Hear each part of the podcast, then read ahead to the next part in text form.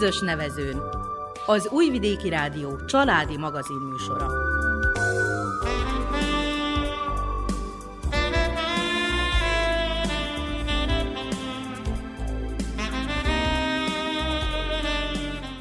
Köszöntjük hallgatóinkat a mikrofonnál Nánás Janikó és Miklós Csongor. A zenét Verica Polyákovics válogatja, műszaki munkatársunk Slavica Filipovics.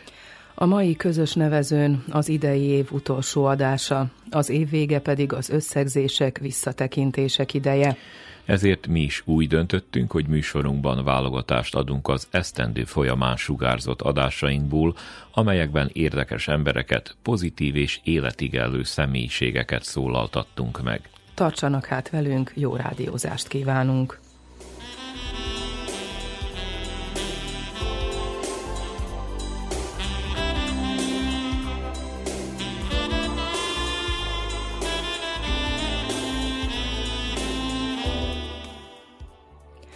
Az év első felében látogattuk meg a Horgoson élő Folbert családot.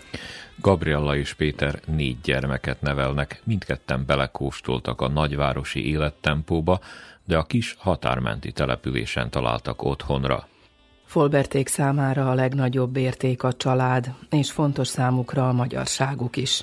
A folytatásban tehát Gabriellával és Péterrel beszélgetünk. 13 évvel ezelőtt jártatok itt, akkor még hárman voltunk, és a kislányunk Julcsi, ő fél éves volt. Azóta már gyarapodott a család, és azóta négy gyermekünk van. Van egy kisfiunk, Peti, ő 12 éves, Ágikánk, ő 8 éves, és Andriska, ő pedig másfél éves. Tehát ez a legnagyobb dolog, ami történt velünk ebbe az elmúlt bő évtizedben. És nagyon-nagyon sok dolog történt még velünk, amit néhány mondatba összefoglalni nagyon nehéz, de részemről azt kell, hogy mondjam, hogy vajdaságiból délvidéki vélettem, ugyanis itt, amikor iskolába jártunk, mindig vajdaságról beszéltünk, nem arról, hogy délvidéki valaki. És nálunk, hogy a férjem Szegedi, és itt élünk a határ mentén, Horgoson, és én kanizsai vagyok, nekem kiszélesedett a világ, és a határ az valóban csak egy akadály, ami elválaszt bennünket akár Szegedtől, Kecskeméttől, Magyarországtól, vagy akár Erdélytől. Tehát más értelmezést kapott számomra a vajdaságiság, vagy a délvidékiség. A határ az az életünk része. Napi szinten, hol a férjem, hol én utazunk Szegedre, tehát ingázunk, ismerjük a határnak a bioritmusát, vagy legalábbis azt védjük hinni, hogy ismerjük minden nehézségével együtt, a várakozással, a gyors határátkeléssel, mert olyan is van, és nagyon sokat utaztunk. Alapvetően egy olyan család vagyunk, aki Kárpát-medencében gondolkozik, a férjem is nagyon sokat utazik, és ő volt az, aki nekem is kinyitotta a világot, akár Magyarország felé, akár amikor Erdélybe utaztunk, Erdélybe kirándultunk. Ezeket az utazásainkat sajnos ugyanúgy, ahogy másoknak is, most ez a Covid ketté szakasztotta, és sajnos ez a mostani helyzet a családot is ugyanis nagyszülők és külföldön vannak, nagyon ritkán találkozunk velük, és most sajnos azt érjük, amit mindenki, hogy bezárva vagyunk szinte az udvarba. Rögtön azon kezdted, hogy négy gyermekes családanya vagy, ez azt bizonyítja, hogy az értékrended ott a több mint egy évtized után se változott, tehát neked ez volt az egyik fő célod. Ez megvalósult nagyon szépen. Hála az égnek, igen, mert találtam egy olyan férfit, vagy egymásra találtunk Petivel, akinek szintén ugyanez az értékrendje is. A gyerekek azok a legfőbb értéket képviselik az életünkben. Tehát átadni mindazt az örökséget, amit mi hozunk otthonról, ő is a családjából, én is a legjobbat kiszűrni és továbbadni nekik. Tehát mondhatjuk, hogy az első lépés a főterv megvalósult. Gondolom, hogy ezt Péter is így látja. Hát főtervként mi más lehetne, mint a gyermekek? Ők az élet és ők a folytatás. Örülök is, hogy a feleségem a gyerekeket hozta első sorba. De hozzáteszem, az én világom is kitágult, mert hát én, én Magyarországon nőttem föl, az iskoláimat is ott jártam. Az iskolákban, meg egyéb más helyeken a határon túli magyarokról, a határon túli magyarságról, külhoni magyar régiókról, akár mint geográfia, akár mint szociológia vagy történelem is, hát nagyon gyenge információkat kaptunk, és én tulajdonképpen így kerültem ki az iskolapadból. Én Szegeden születtem, három generációs szegedi vagyok, de a gyerekkoromat egy Kecskemét melletti faluba töltöttem. és utána egyetemista koromban pedig visszakerültem Szegedre. Több generáción keresztül én azt látom, mind az oktatási rendszer, mind az ottani politika, de valójában a véleménypolitika, a média, stratégia, és most itt akár a második világháború volt egy tudatos negligálás, a háttérbe szorítása van a határon túli magyaroknak, mely talán csak a néhány éve szint meg, én azt tudom mondani, és az azért generációkon keresztül ez beépült oda az emberekben. De hozzáteszem, ugyanezt érzékelem ugyanúgy határon túl is hogy a fejekbe még sajnos nagyon túlerős ez az itt és ott érzés. Idegeneknek tartjuk egymást? Egy kicsit igen, és ez nagyon nagy hiba. Mert véleményem szerint nem vajdasági magyar közösség van, meg nem magyarországi magyar közösség, hanem egy kárpát-medencei magyar közösség van. És ez lenne az egészséges és ideális. És ez így is volt tulajdonképpen sok száz vagy ezer éven keresztül. És ez csak az utóbbi néhány tíz év terméke, amely terméket tulajdonképpen menedzseltek annak idején Budapesten is, a nemzetközi erők is, meg akár itt Belgrádban is. Mindig is van egy természetes összebaródás. Ahogy egy seb keletkezik, ha azt nem nagyon piszkálják, az a természetes dolog, hogy begyógyul. Az egy dolog, hogy ez mennyire gyorsan, vagy mennyire lassan. Nyilván ezt lehet gyorsítani, vagy akár lassítani. De én úgy gondolom, hogy szépen fokozatosan ez gyógyuló félben van. Sok olyan aktivitás, és talán most már azért a, a politikai irányzatok is ezt támogatólag teszik. Viszont véleményem szerint még mindig gyerekcipőbe jár, és pontosan amire még nagyon nem helyezünk hangsúlyt, hogy az identitás kérdése. Hogy most valójában ki milyen magyar identitású. Egyetlen határon túli magyar, anyaországi magyar, vajdasági identitás az, hogy most itt vagyunk egy néhány kilométerre Röszkétől, ami Magyarországon van. Most a röszkeiek meg a horgosiak földieknek gondolják magukat, pedig az lenne a természetes. De sajnos nem így van.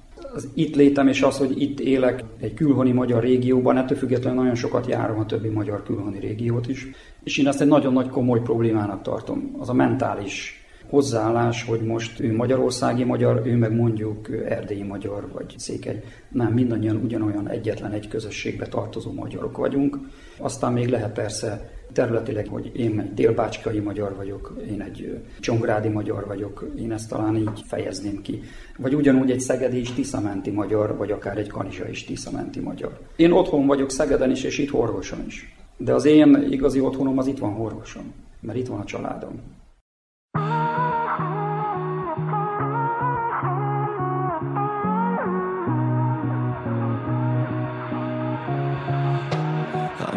Ébred a város, mikor a nap kell fel, puha léptekkel, húzd be a függönyt, kimarad a holnap. Tudod, nem vagyok álmos, te vagy az ellenszer. Mögöttünk szalad a naprendszer De szögre akasztom a plafonon a holdat. Jöhet még egy kör Egy kicsit ázzunk el. Velem lélegzel Velem lélegzel. Sima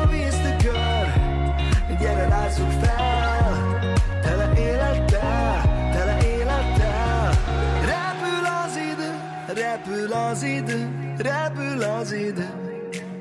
Megszűnik, észre sem veszem. Repül az idő, repül az idő, repül az idő. Minden mi bánt elengedem.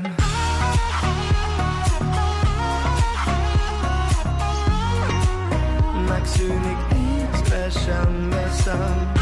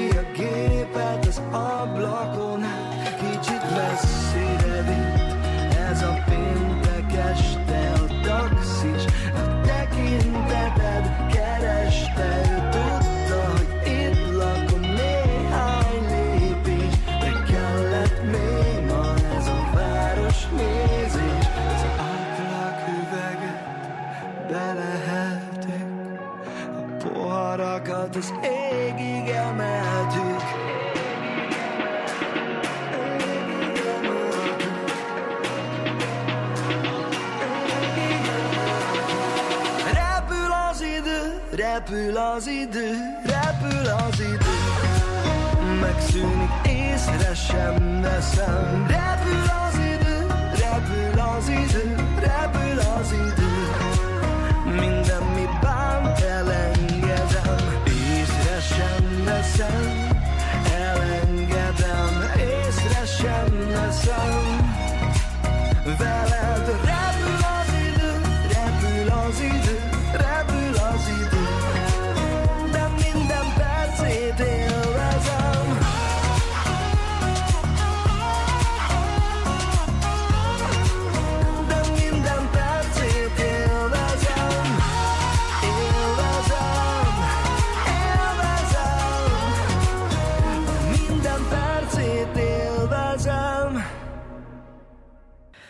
Bajsai Gogolák tíme a egyike a kevés női vőfének, azaz nőfének vidékünkön.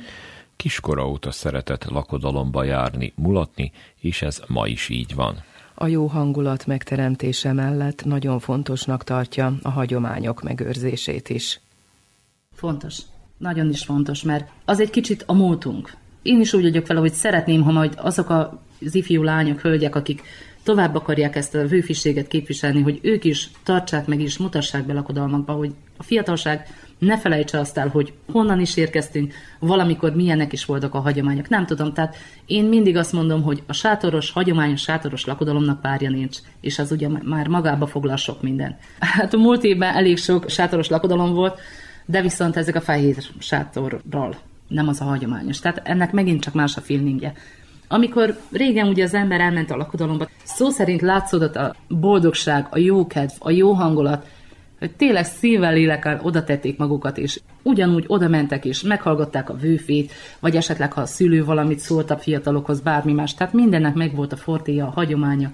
Valamikor régen ugye volt, külön volt a lakodalom, kárlátósok voltak, mentek éjfél felé, ugye, hogy hát bekössék a mennyasszonynak a fejét, akkor megtörtént a menyecsketánc, és ez mind nagyon szép mozzanata egy lakodalomnak. Ma sajnos úgy, hogy mennyasszony vőlegény külön legyen a lakodalom, nagyon ritka. Tehát én is mondhatom azt, hogy ilyen három évente összeteszem a két kezem, ha egyszer legalább oda jutok, hogy külön legyen a lakodalom, és az az igazi, hagyományos, tehát lakodalmas menettel, lakodalmas kaláccsal, borral a kezükben, mulatva történjen az esemény. Mi az, ami megmaradt még azért a szokásokból? A lakodalmas menet, tehát ezt még mondhatom azt, hogy megmaradt, többnyire faluhelyen szokták ezt. Tehát városban ugye már nem nagyon igénylik, hanem inkább az van, hogy beülnek az autókba, és akkor ugye elmennek az eskettetéshez. Vagy volt már rá példa olyanra is, például, hogy a násznép ott maradt a teremnél, és akkor az ifjú pár elment, megesküdött, utána visszaérkeztek a teremhez, és így ment a jó hangulat. Ez a lakodalmas menet, menyecske tánc, ami hála Istennek megmaradt, az is egy nagyon szép hagyománya. Akkor lakodalom végén, tehát mikor úgymond a záró része van, én azt szoktam mondani, akkor ugye kínálgassák az ifjak, mint új házasok, a cukorkát, az italt. Ezek a részei még megmaradtak egy kicsit. Vajon vette át régi verseket, vagy mindig újra kell azt csinálni? Én úgy tudom, hogy jelent már meg könyv is, tehát Igen. hogy működik ez? évekkel ezelőtt, tehát több éve, már tizenéve ennek, hogy megvettem én is egy pár vőfékönyvet.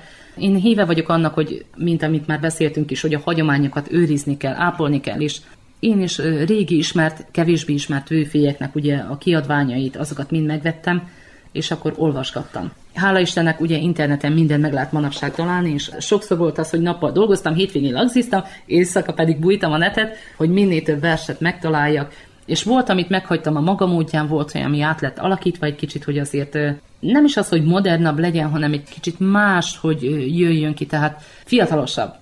Nekem ugye ezen is kell gondolkodni, mert a mai fiatalság sokszor, ahogy említettük már, legyen DJ alakodalomban, legyen ceremóniamester, vagy még arra sincsen szükség, de kicsit modernizálni is kell néha. Attól függ, hogy milyenek az igények. Az átlag embertől sokkal jobban látja, mint a statisztikai intézet, hogy vannak-e lakodalmak, van-e házasulási kedv, van-e ötlete, hogy mitől függ ez. Talán egy kicsit attól, hogy félnek a jövőtől. Inkább úgy fejezném ki magam, hogy az anyagi háttérre gondolok, mert ugye nem az a lényeg az egészben, hogy a szülő anyagilag támogassa a fiatalokat, mert valaki ugye ezt nehezebben teheti meg, vagy meg sem teheti, hanem inkább az, hogy a fiatalok nagyon sokan elmennek külföldre hogy ott ö, biztos anyagi lehetőséget keressenek, és valójában ez itt a probléma, hogy sokan elmennek. Mert nekem is mondhatom azt, hogy a lakodalmak számát, tehát ahogy én is ugye írom a fiatalok ki honnan érkezik, vagy akik ugye megfogadtak vőféjüknek, javarésze 70%-a legalább külföldről ír haza, vagy hív, hogy lakodalmat szeretnének, meg hát mikor megkérdezem, hogy mióta vannak együtt, mert azért nekem is ugye női kíváncsiság az soha nem hagy föl, és mindig megkérdezem, hogy körülbelül, hogy hát mióta járnak, vagy mióta vannak együtt, vagy együtt élnek, és mindig mondják, hogy 5-6 éve, 7 éve együtt vannak, vagy 10 éve, és, és nem esküdnek, mert először a házat akarják biztosítani, tehát egy biztos munkahely is utána jöhet a házasodás. Akkor, mikor följött ez témába, hogy hát kevesebb lakodalmak vannak, én csináltam magamnak egy fölmérést, hogy ugyan mennyivel változott, mert ugye hála Jóstának sokan írnak, hívnak, Hamariában most már inkább írnak, messengeren, akár Facebookon, bármi más, vagy e-mailen, hogy lakodalomat szeretnének megfogadni, és csináltam két éve egy fölmérés, tehát 35 lakodalom volt, és 54 volt az, amit nem sikerült elvállalnom. Azért nem mondhatnám, ha egy vőfének ennyi jut, akkor, akkor még mellettem még azért egy 15-6 vagy 20 vőfé, aki dolgozik, elég sok van. Akkor sokkal fiatal, sokkal lakodalom. Hála Istennek. Adja jó Isten, hogy legyen nagyon sokáig még.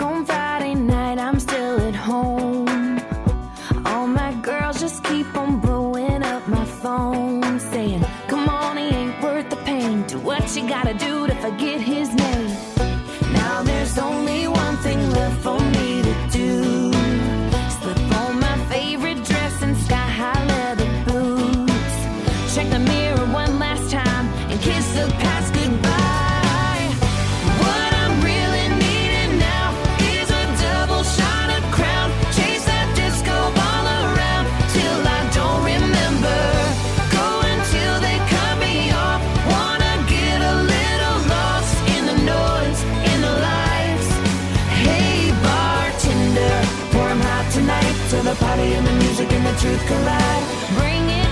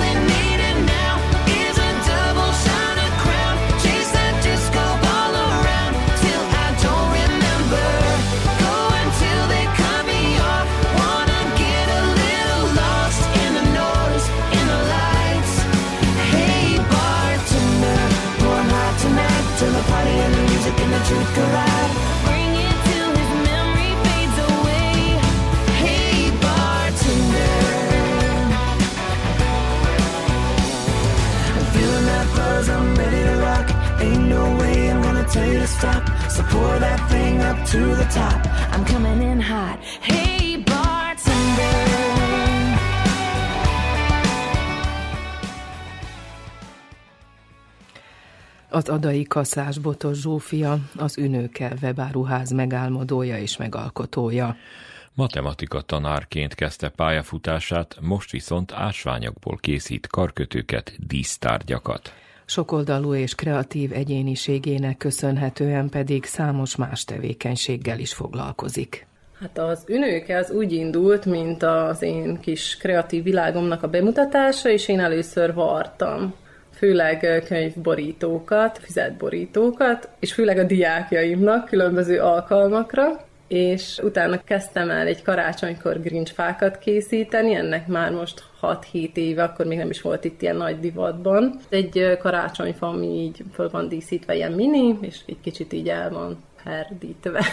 Ott is így próbáltam valamit, hogy csinálja, és hát akkor nagyon kevés romániai követőm volt, akik ezt így lájkolgatták, és hát az úgy jó esett, hogy hú, van 50 ember, akit érdekel, amit én csinálok, hát a mostani 5000-hez képest azért nagy változás, és hát az ásványok világába úgy keveredtem bele, hogy vettem magamnak egy ametiszt karkötőt, ami nem az volt. Tehát később megtudtam, hogy ez egy lila ahát karkötő, és hát ez egy csalódással töltött el, mert hát nem azt kaptam, amit vártam, az Ünőke név is ugye a dobomról kapta a nevét, mert van egy szarvas bőrdobom, amit elneveztem Ünőkének, ami szarvaslányt jelent, és akkor mivel ez úgy megtetszett ez a név, hogy olyan különleges, akkor így gondoltam, hogy legyen az oldalam neve is ez, a csalódottságom után próbáltam beszerezni olyan köveket, amik tényleg azok, aminek nevezzük őket. Föltettem az oldalamra, akkor érkezett egy pár komment, hogy hát nekem is készítenél, nekem is, nekem is, és hát egy ilyen kis készlethalmozás alakult ki, mert ugye mindig több követ vettem, mint ami kellett volna, és aztán így valahogy így ráharaptak az emberek erre a dologra. Szerintem azért is, mert úgymond próbálok hiteles lenni, magamat adni, magamat is megmutatni, mert számomra is fontos, hogy egy dolognál, amit követek, azt tudjam, hogy ki áll mögötte, és milyen értékeket képvisel. Sokféle tevékenysége mellett Kaszásbotos Zsófia a nők helyzetének előmozdítását, problémáik megbeszélését és megoldását is a szívén viseli, ezért részt vesz a női kör megalakításában is. Én úgy érzem, hogy nagyon nagy hiány van Szerbiában, Vajdaságban a női összefogásra, akár anyakörökre, akármilyen támogató emberekre. Hogyha nézzük, hogy a meddőnők és a perinatális gyászt átélt nők mennyire magukra vannak hagyva, mert még babamama klubok vannak itt-ott, de velük senki nem foglalkozik. Sőt, még az emberek átmennek a másik oldalra, hogy ne kelljen vele beszélni, mert mit mondjak neki? Tehát nagyon szeretnénk, hogyha kialakulna egy olyan közeg, akik megfelelő képesítéssel is akár rendelkeznek, vagy akár csak támogatnak, mert ha valaki meghallgat, még az is jobb, mint ha senki. Hogy tudjuk egymást támogatni, és ne legyen ennyire tabu, és az emberek ne zuhanjonak annyira magukba, és tudják azt, hogy nincsenek egyedül. És mindig van valahol valaki, aki akár csak meghallgatja hát ez most még itt folyamatban van, tehát általában szoktak lenni különböző női körök, de mindig magyarországi előadók jönnek, bár hogyha itt azt nézzük, hogy nem előadásról van szó, hanem csak így facilitálásról, hogy kísérni egy női kört egy adott témában. És most ezt így páran vagyunk Vajdaságból, akik ebbe belefogtunk, és hát nagyon remélem, hogy jövőre már, mikor végzünk, utána szélesebb körben hallatok majd erről is. Most érdekes, hogy ezt mondod, hogy a nőknek még mindig nincs hol kibeszélni a problémáikat, tehát ez azt mutatja, hogy még elég férfi központú mindig ez a mi kis tájékunk. Igen, eléggé férfi központú, hogyha azt nézzük, hogyha egy férfi dolgot női kéz nem tud eladni, szerintem, de viszont egy férfi ugyanazt elmondja, amit egy nő egy férfinek, akkor az már viszont befogadható információ.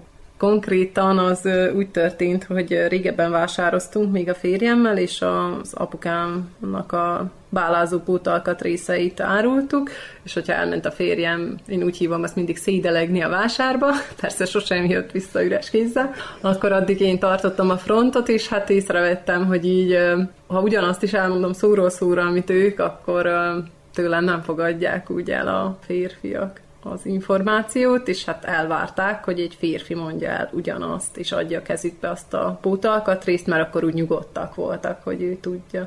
Tehát szerintem ez ugyanígy van egy akár egy autóregisztrálásnál is, hogy ez úgy globálisan nem a nők dolga az ilyesmivel foglalkozni, és hiába tudjuk, hiába csináljuk meg ugyanazt, azért nincs ugyanaz a nevezzük elismerésnek. Szerinted ez miért van így még mindig? Mert mások vagyunk. Tehát mások a férfiak, mások a nők, más értékeket képviselünk, és ha például nézünk egy önsegítő csoportot, ott is hát jó, ha van egy-két férfi, aki fölmeri vállalni, hogy akár foglalkozzon a problémával. Nem azért, mert ők máshogy élik meg, csak jobban elnyomják, mert valamilyen szinten az van belég súlykolva, hogy nem mutathatják ki az érzelmeiket, és a dúlaságban is erről nagyon sokat beszéltünk, vagy akár a perinatális gyász támogató képzésen, hogy ott van az apuka is, aki nem tudja, hogy megélni azt az adott helyzetet, mert az anyuka el van fogadva, hogy hogy kell, hogy megélje a helyzetet, viszont az apukának ott kell lenni, mint egy erős támasznak, aki nem inokhat meg, de persze belül nagyon sokszor ők is összeomlanak, csak ezt nem élhetik meg. És hogy néha nekik is meg kellene engedni, hogy egy kicsit a női oldaluk úgymond felszínre kerüljön és gyógyulni tudjon.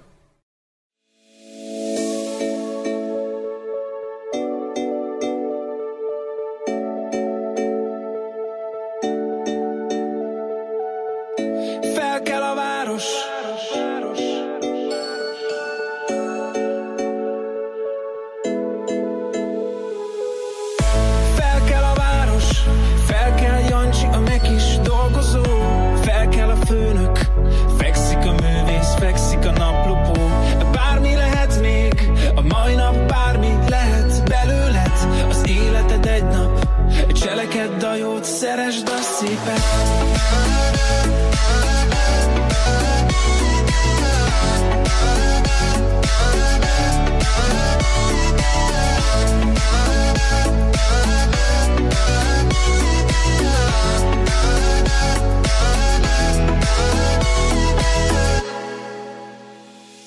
Senki nem mondta könnyű lesz pénzért vesz. De ne félj, van még vigaszág Egy mosoly a buszon a boldogság. S ha van kiért úgy, sokkal könnyebb Együtt nyerni és nyelni a könnyet Ő is úgy érez, mint te. Semmi sincs még elveszve. Fel kell a város, fel kell Jancsi, a meg is dolgozó. Fel kell a főnök,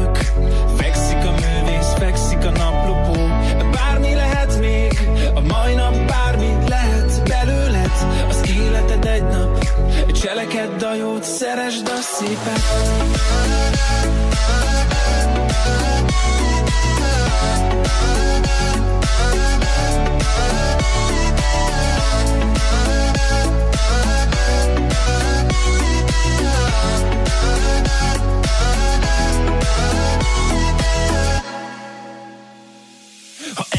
vége csak emlék marad. Ha megittad mint nem marad harag. Barátok, szerelmek, emlékek. Mennyire szerettelek téged. Itt mozi volt, azt még máshogy hívták. Nézd csak, ide ültettek fát. Már is vége, hát nem bánom. Mi igazán éltünk, barátom. Fel kell a város.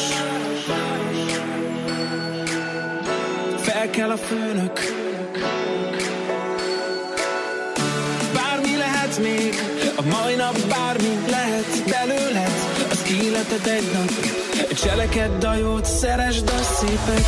Fel kell a város Fel kell Jancsi, a meg is dolgozó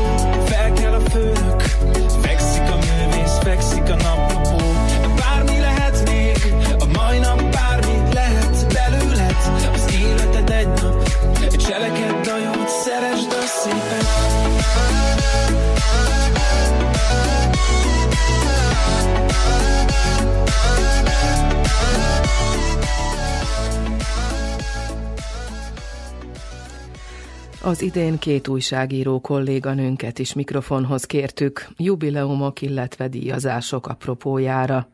Most először a hét nap főszerkesztőivel, Tóth Líviával készült riportból közlünk egy részletet. A beszélgetést Berényi Takács Klára készítette.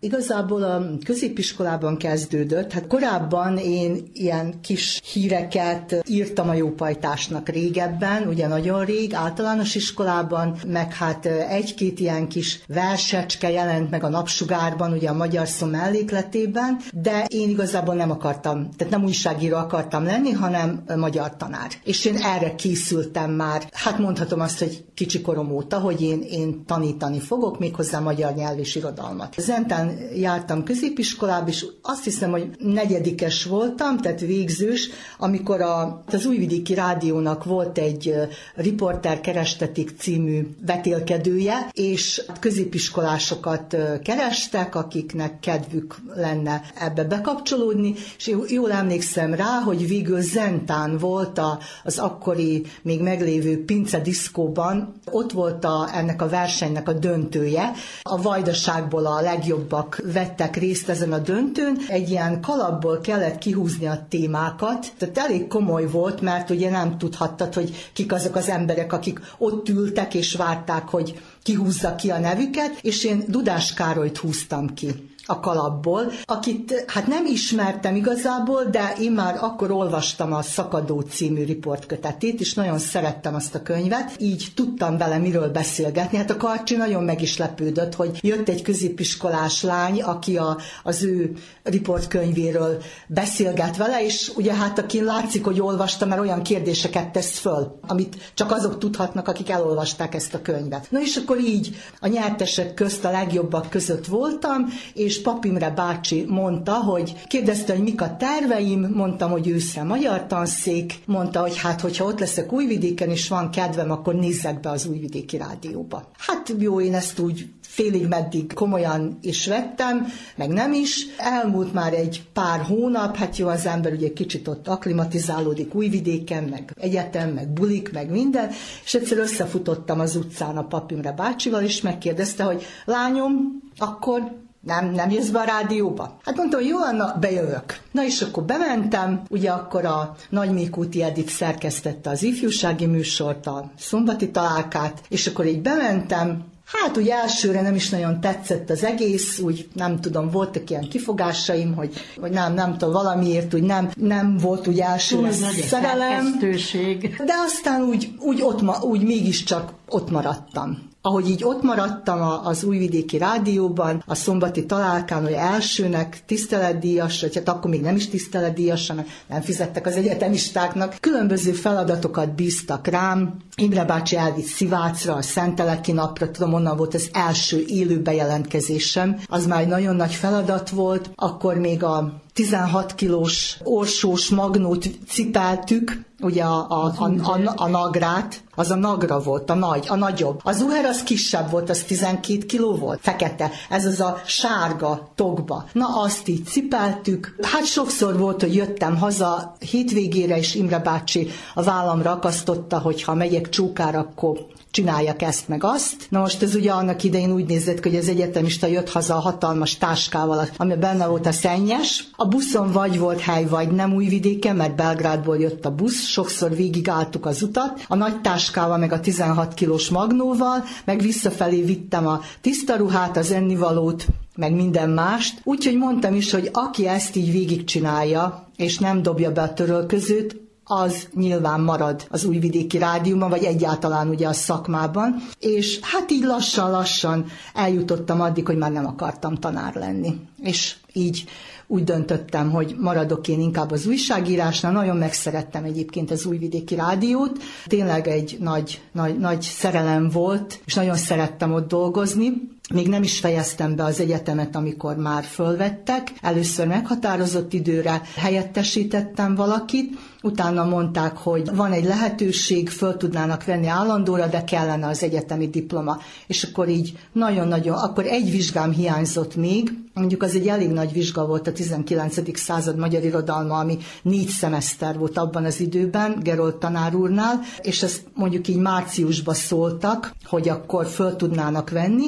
Hát én leraktam azt a, a vizsgát, meg megírtam a diplomamunkámat, és június végén diplomáztam. Úgyhogy ez így az abszolvensi időszakom végén volt. Tehát mindenképpen megcsináltam volna az egyetemet, mert nem, nem akartam én azt abba hagyni, de lehet, hogy egy picit még elhúztam volna, ha ez így nem jön közbe. Úgyhogy gyorsan témát is cseréltem a, a diplomadolgozatomra, mert az, amit választottam, az hosszadalmas lett volna, választottam egy egyszerűbbet, és akkor így lediplomáztam, és föl is vettek a rádióba, és 1985 óta, tehát 85 novemberében kezdtem úgy, hogy már munkaviszonyban voltam az Újvidéki Rádióban, és 86-ban történt ez a, a diplomázásom. És akkor ott dolgoztam a rádióban 96-ig, 10 évet akkor mentem át a képes ifjúságba főszerkesztő igazgatónak, ott voltam öt évet, és akkor 2001-be kerültem át a hét naphoz. És akkor ott is már 20 éve ott vagyok. Azzal, hogy volt egy kis kitérőm, ugye hat hónapot dolgoztam a Magyar Nemzeti Tanácsban, ahonnan aztán visszamentem megint a hét napba. És én azt hiszem, hogy hát most már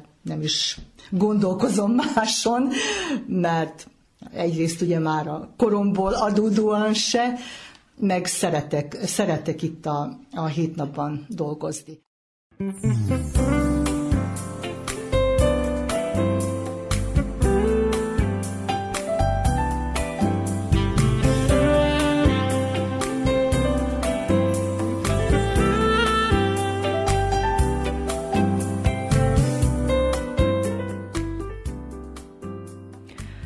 Az év utolsó közös nevezőjében egy másik kolléganőn következik. Ő a Temerini Tóth D. Lívia, a magyar szó riportere, aki emellett sok minden mással is foglalkozik, de fiatal anyukaként számára is a család a legfontosabb. Elmondása szerint őt még a klasszikus régi vágású értékrend szerint nevelték, és ő is így neveli gyermekeit. Én mai napig úgy tartom, hogy az öröklődő nevelési elveknek nincs párja, és nincs célra vezetőbb, mint az. Szembesülök én is azzal. Úgy szoktam mondani, hogy a lányom és én köztem olyan generációs különbséget érzek, mint annak idején talán a nagymamám és a déd nagymamám között volt mert végülis, ha megnézzük, apum meg én egy zenét hallgattunk, tehát, hogy itt nem voltak olyan nagy különbségek, tehát valahogy közelebb érezték egymást a nemzedékek egymáshoz. Most érzek egy ilyen hatalmas szakadást, nyilván a technika fejlődésével. Tehát kezdjük ott, hogy én tekerős telefonon, kagylós telefonon kezdtem el beszélni, most meg már tényleg az ő meg a világot tettem bele egy mobiltelefonnal. Ebben a szempontból hatalmas különbség van, és ezáltal óhatatlan, hogy fölfogásba is nagy különbség legyen. Tehát őket az első globális nemzedékként pecsételik meg, akik egy zenén, egy divaton és mindenen közösen nőnek fel, ahol az egyén végül is fontosabb, mint a közösség, tehát van egy ilyen fölfogás is a fiatal generációba. Ezzel nyilván nekem is meg kell küzdenem, mint szülőnek, ezekkel az újításokkal, tehát hogy másként kell nyilván alkalmaznom azokat a nevelési módokat, amiket én apukámtól örököltem, vagy anyukámtól. Ez az asztal, aminél most ülünk, ez rengeteget tudna mesélni, ugyanis a szülőházamban maradtam családommal, soha nem fogom kidobni, ez rengeteget hallott. Leültünk, megbeszéltük a dolgokat, soha nem volt titok se a pénzügy, sem bármiféle más gond, ami a családban volt, minden döntés közösen született apukámmal, anyukámmal, volt választási lehetőségem, felkínálták mindig, hogy ezt szeretném, vagy azt szeretném, mindig meglettem kérdezve, hogy én mit szeretnék. Aztán nyilván voltak határok is, és az volt a jó, hogy következetesen betartott határok voltak. Tehát, hogy eddig lehet, ettől tovább nem. Na most ugyanezeket, végülis tényleg ugyanezeket próbálom én alkalmazni a mindennapokban a gyerekeknél.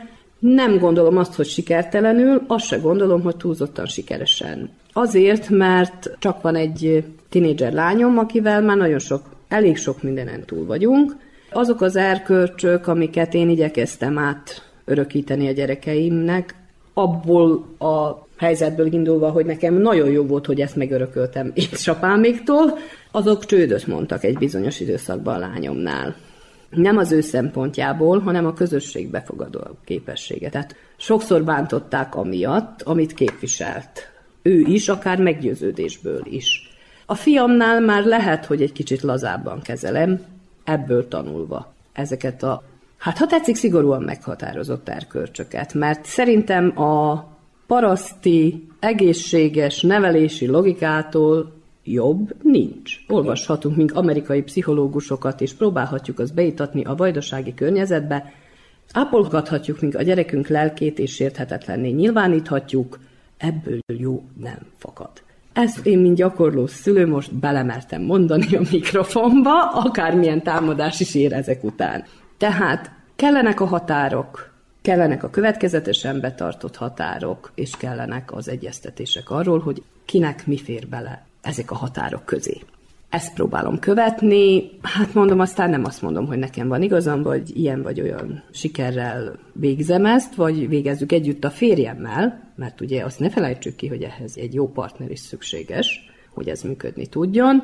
Boldogulunk egyenlőre, sőt, ő még egy kicsit szigorúbb is, nála sokszor előbukkan az a talán még egészségesebb jó paraszti logika, hogy hát de miért, apa? Azért, mert én azt mondtam. Én hajlamosabb vagyok megmagyarázni bizonyos döntéseket, no nyilván ő se nem minden alkalommal mondja ezt, hanem amikor tényleg kihúzza a gyerek azt a határt, amikor már nincs miről tárgyalni, hanem ennek így kell lenni, és vége. Ezt mondom, hogy ez majd most az idő megmutassa, hogy mennyire volt az helyes, hogy mi maradtunk a szüleinktől átöröklött nevelési mód mellett, vagy pedig mennyire várik ez kárára esetleg a gyereknek. a gyerekeknek nehéz ezt betartani. Említetted, hogy lereagálta a társaság. Mindkettőnknek szerintem. Egyiket a másikától nem lehet szerintem elválasztani, mert abban a pillanatban, amikor a gyerek tényleg önmagáévá tesz egy olyan értéket, amit a szülő képviselt egyébként, és ez összeütközik a saját társai által vállalt nézetekkel, Ebben az esetben a gyerek szenved, a szülő is szenved, látva a gyerekét, hogy az harcol valamiért, illetve szélmalom harcot vír valami ellen. Tehát nálunk ez valahogy egy közös küzdelem volt annak idején is a lányommal, amikor ez megtörtént. Ő benne is egy saját küzdelem, hogy ugye anyatársaság, anyatársaság, mi, nem is anya, hanem amit anya képvisel, és amit a társaság képvisel közötti összetűzés. Nekem meg, mint szülőnek, borzasztó fájdalmas volt ezt vele végigélni. És közben valahol mégiscsak kiállni az mellett, amit én addig is képviseltem az ő szemében. Ez egy nehéz periódusa volt az életünknek, hála Istennek túl vagyunk rajta. Várható még egyszer rám mert hogy van most egy harmadikos fiam. Mi a könnyebb egy újságírónak, egy szülőnek, vagy esetleg egy nőnek az önmegvalósítási céljai, akkor három közül mi a mi legnehezebb? Nem tudom szétválasztani. Nem tudom szétválasztani, mert ez most mind vagyok egyszerre. Annyiban tudok választ adni erre a kérdésre, hogy a karrierépítés az azért nálam mindig alacsonyabb szinten volt, mint az anyaiság. Konkrétan a Panon televízióból azért jöttem el, nagyon szerettem ott dolgozni, de azért váltottam munkahelyet, mert a kisebbik fiamnak szüksége volt rám. Elsőbe indult, egészségügyi problémákkal küzdöttünk előtte, ami kihatással lehetett a tanulmányára, és szüksége volt arra, hogy anya napi szinten 4-5 óra hosszát vele foglalkozzon. A beszélgetés legelején azt mondtad, hogy 20 éves korodban, mint olyan sokan meg akartad váltani a világot, még mindig meg szeretnéd váltani a világot, és ha igen, akkor mitől? Nem szeretném tovább megváltani a világot. Viszont mindent megteszek annak érdekében, hogy a saját kis mikrotársadalmamban megtegyek mindent azért, ami azt működteti, és ami annak javára válik. Ez a mikrotársadalom egyébként elsősorban a család, másodszorban a barátaim, ismerőseim, munkatársaim, és persze nem utolsó sorban a temelini magyarság, vagy akár a vajdasági kis közösségünk is. Loving you is killing me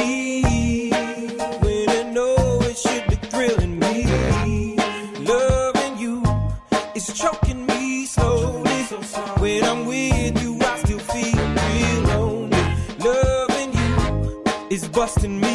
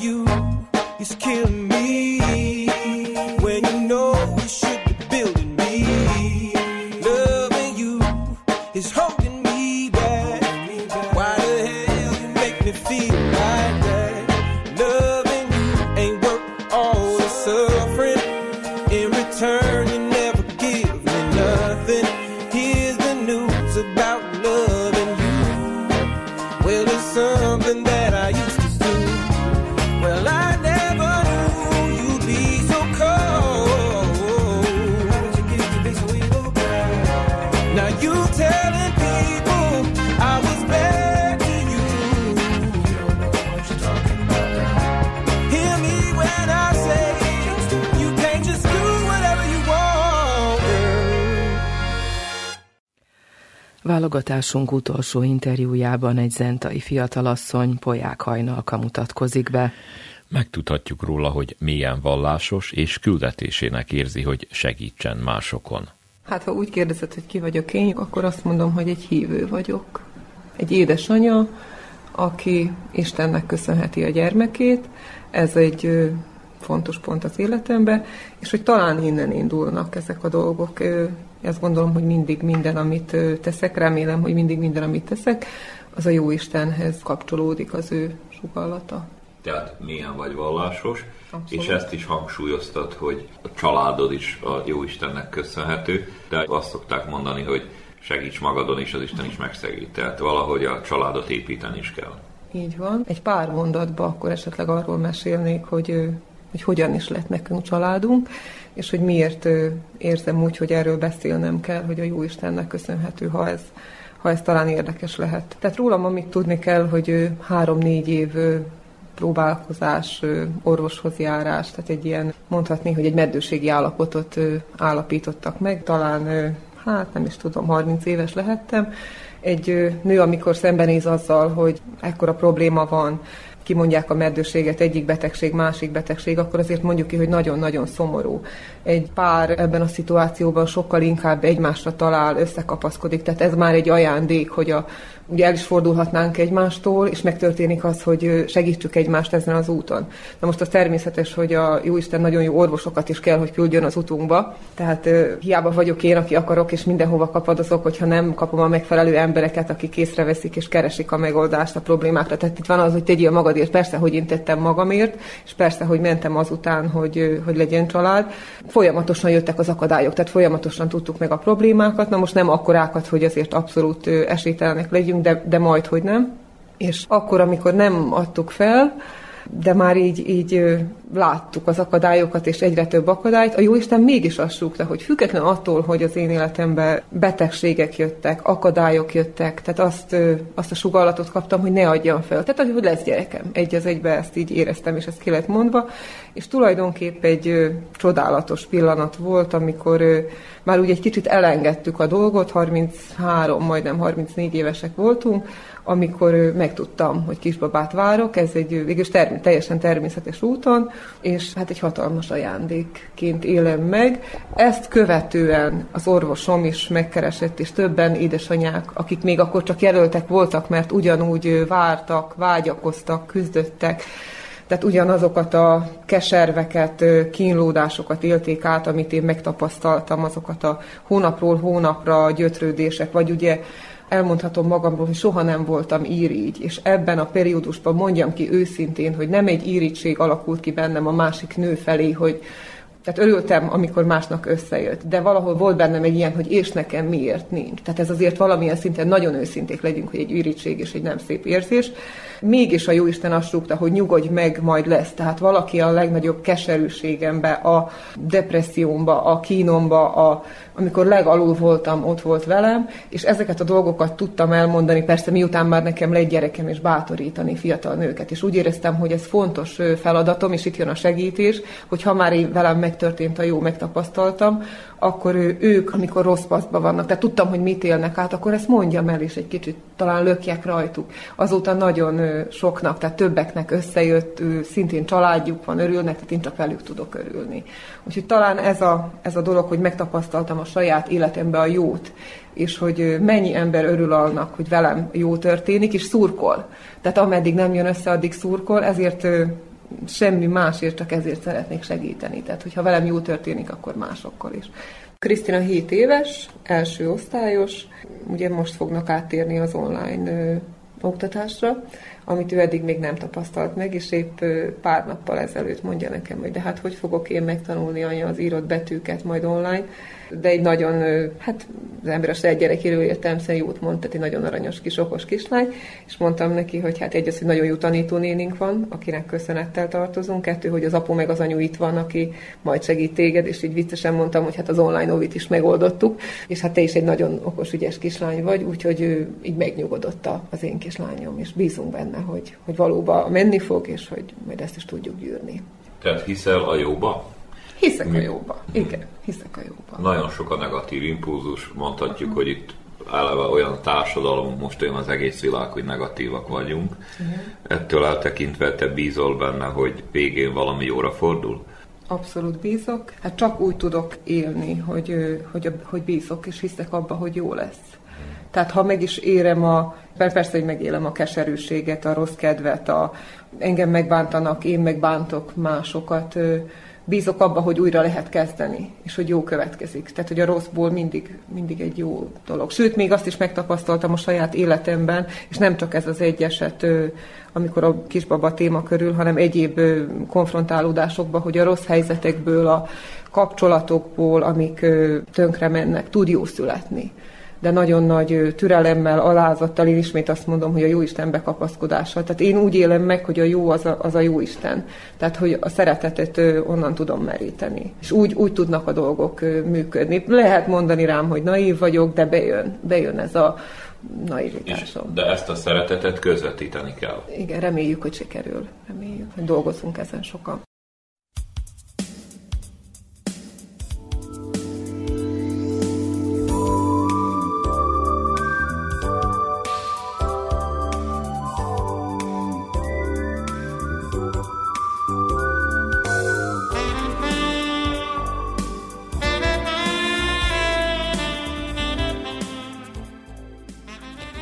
Kedves hallgatóink, ez volt, ez volt a közös nevezőn idei utolsó adása. Műsorunkhoz a zenét Verica Poljákovics válogatta, műszaki munkatársunk pedig Slavica Filipovics volt. Nevükben is megköszöni figyelmüket Nánás Janikó és Miklós Csongor. Hallgassanak bennünket jövőre is.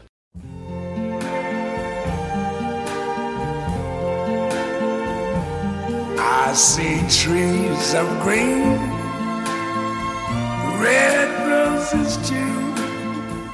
I see them bloom for me and you, and I think to myself,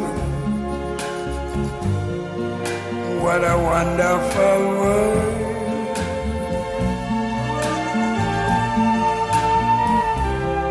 I see skies of blue and clouds of white bright, blessed day, the dark, sacred night. And I think to myself, what a wonderful world.